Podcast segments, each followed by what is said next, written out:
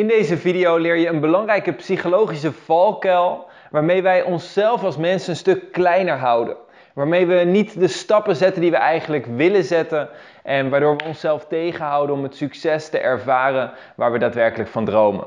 Hey, welkom bij deze video. Mijn naam is Pim Jansen en in deze video wil ik je meenemen in een belangrijke psychologische bias.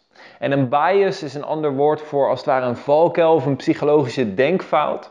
En dat is de loss aversion bias. En de loss aversion bias wil zeggen dat mensen over het algemeen meer pijn koppelen aan het verliezen van iets dan dat ze plezier koppelen aan het winnen of het krijgen van hetzelfde. Dus als voorbeeld, stel je voor je vindt een briefje van 100 euro op straat. En dan zou je de hoeveelheid blijdschap meten die je hebt om dat briefje van 100 te vinden. En later op de dag verlies je datzelfde briefje van 100 verlies je weer. En je zou de hoeveelheid pijn of hè, de hoeveelheid teleurstelling meten die je ervaart bij het verlies van dat briefje van 100. Dan hebben de meeste mensen veel meer pijn voor het verlies van hetzelfde briefje van 100 dan dat ze plezier ervaren voor het krijgen van het briefje van 100. En dat geldt natuurlijk niet alleen voor briefjes van 100, dat geldt voor praktisch alles. Geld is een heel simpel voorbeeld daarvan. Zo een ander voorbeeld, ik kan me herinneren toen ik bijvoorbeeld in de verkoop werkte een aantal jaren geleden, voordat ik fulltime met mijn bedrijf uh, daarvan kon leven, met mijn bedrijf aan de slag ging. Toen merkte ik vaak hè, in de verkoop, was gewoon een, simpel, redelijk simpel baantje in de verkoop. Uh, als we iets verkochten, dan kregen we een, commissie van 20 euro. En we hadden dan ook nog soms bonussen, dus soms kon het dan 30 of misschien wel 40 euro worden. Um, maar goed, hè, dan verkochten we zo'n drie of vier uh, producten op een dag. Nou, had je op zich hè, in die tijd best een aardige dag. Als ik nu terugdenk, denk ik, wauw, hoe kan je daarvan leven? Maar in die tijd, hè, ik had niet zo heel veel uitgaven, dus het was prima. Maar nu het interessante, als we dan aan het einde van de dag kwamen, dan besloten we soms om nog een paar uurtjes door te werken om een goede score neer te zetten. Hè, om echt te gaan voor het succes. Maar als het dan bijvoorbeeld, hè, de, de werkdag duurde dan officieel van 12 tot 5. En als we dan daarna nog eventjes doorgingen, soms tot 6 of tot 7, dan merkte ik soms dat ik een beetje honger kreeg. Hè. Het werd al etenstijd en dan kreeg ik een beetje honger en dan merkte ik dat ik minder gefocust was, waardoor ik minder goed kon verkopen. Nou, hè, dat was echt als, als straatverkoper. Dus dan hè, op straat was er vaak wel ergens een supermarkt in de buurt. Dus dan dacht ik vaak van, hé, weet je wat, ik ga eventjes een broodje of iets te eten halen bij de supermarkt. Maar wat ik dan vaak merkte, hè, de dagen dat ik overwerkte waren vaak de dagen dat het niet zo heel goed was gegaan.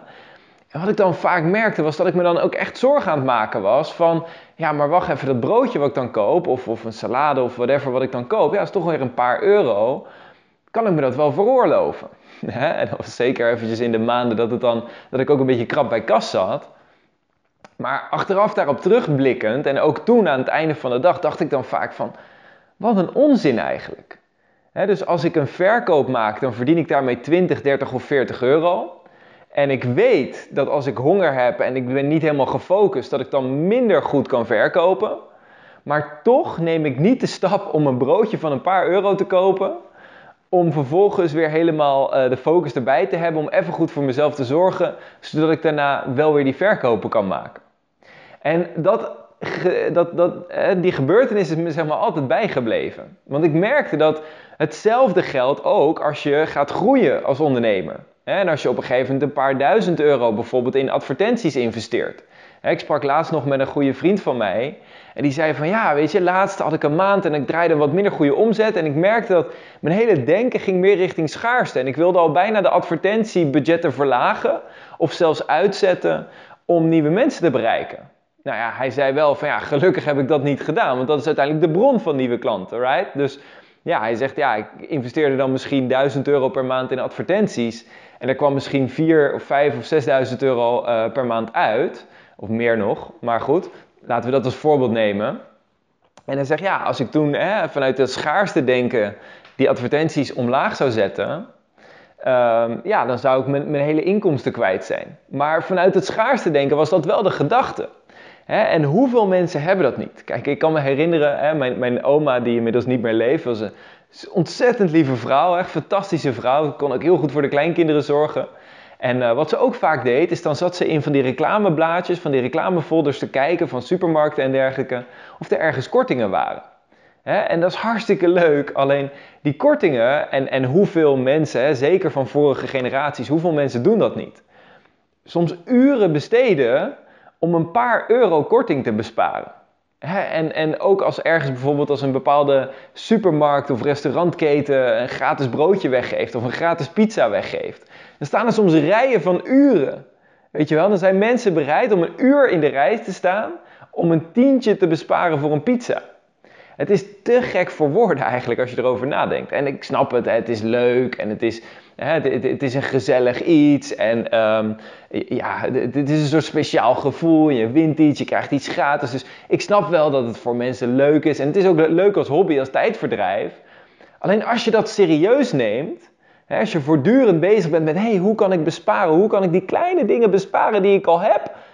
Dan blokkeer je de flow om de grote dingen te creëren. Ik noemde laatst in een andere video noemde ik het voorbeeld wat ik op een gegeven moment haalde uit het boek Tools of Titans. Van hè, jaag je op antilopes of jaag je op veldmuizen? want ehm, een, een leeuw, op het moment dat een leeuw aan het jagen is, als een leeuw de hele dag zou jagen op veldmuizen, dan kost het zoveel energie om zo'n veldmuis te vangen, dat hij meer calorieën verbrandt om die muis te vangen dan dat die, calorieën, uh, dan dat die muis hem geeft aan calorieën. Oftewel, het is totaal nutteloos. De heel, die, die leeuw die zou, die zou sterven aan de honger als hij de hele dag op veldmuizen jaagt. Terwijl als hij op een antilope jaagt, hè, dan kan hij ook echt gewoon goed eten met zijn hele leeuwenfamilie. Hè. Of de leeuwin die jaagt over het algemeen. En dan kan de hele leeuwenfamilie kan daardoor eten. En daardoor kunnen ze overleven. En dat is zo belangrijk, om constant voor jezelf te beseffen van hé, hey, als je ergens een bepaalde schaarste ervaart, dan heb je vaak mentaal een soort contractie, waardoor je, waardoor je vaak zoiets hebt, hé, hey, ik blijf vasthouden aan wat ik al heb. Maar dan blijf je vaak vasthouden aan die veldmuizen, die je eigenlijk toch al niet genoeg calorieën geven om überhaupt van te kunnen leven, zoals die leeuw.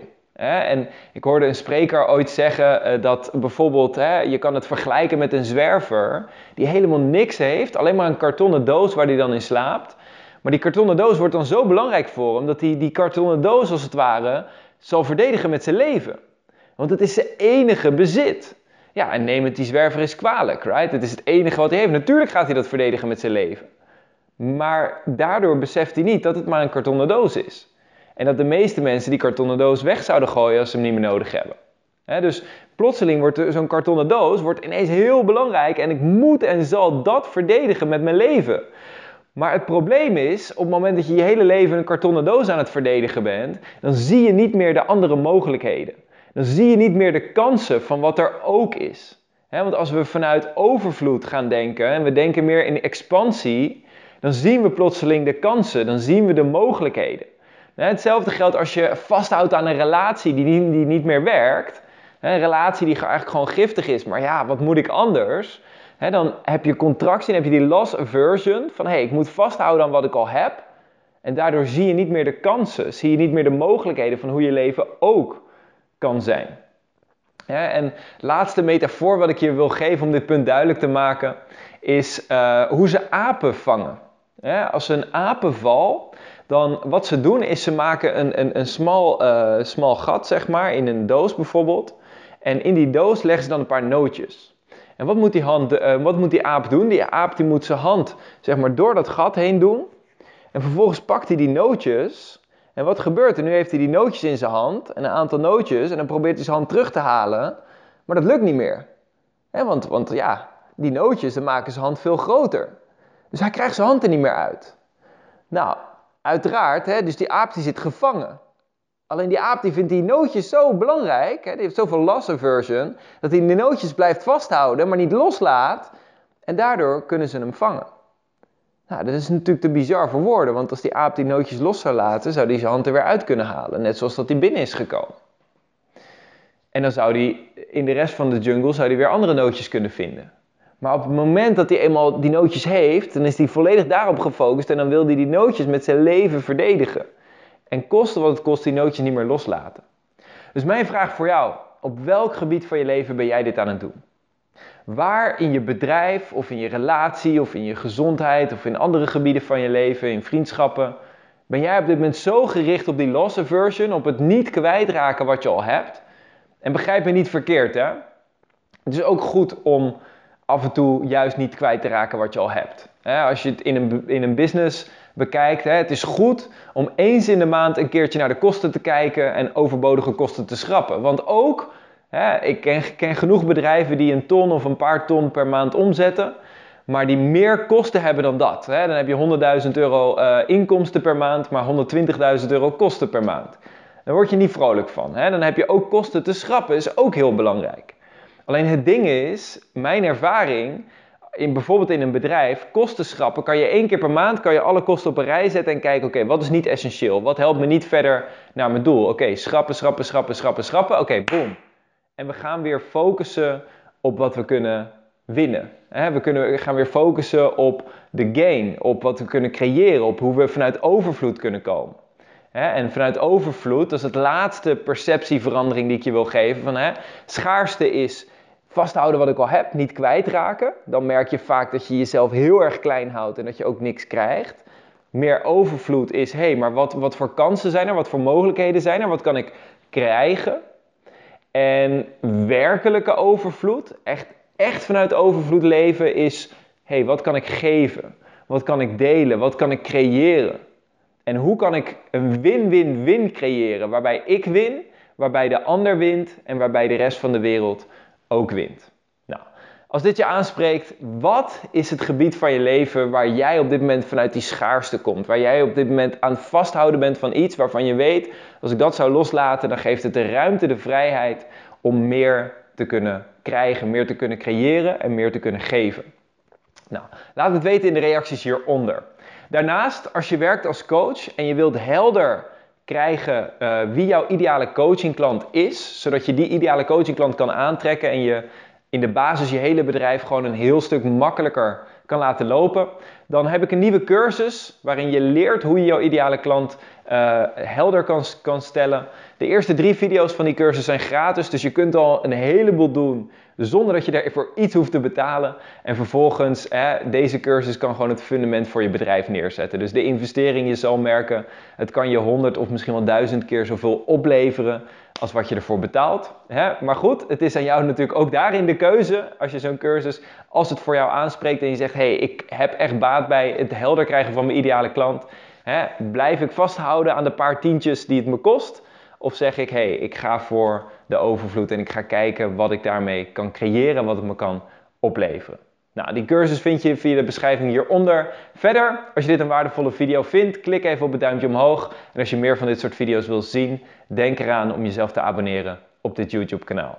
Dat gezegd hebbende, wens ik jou vandaag een fenomenale dag toe en spreken wij elkaar een andere keer. Bij deze, ciao ciao!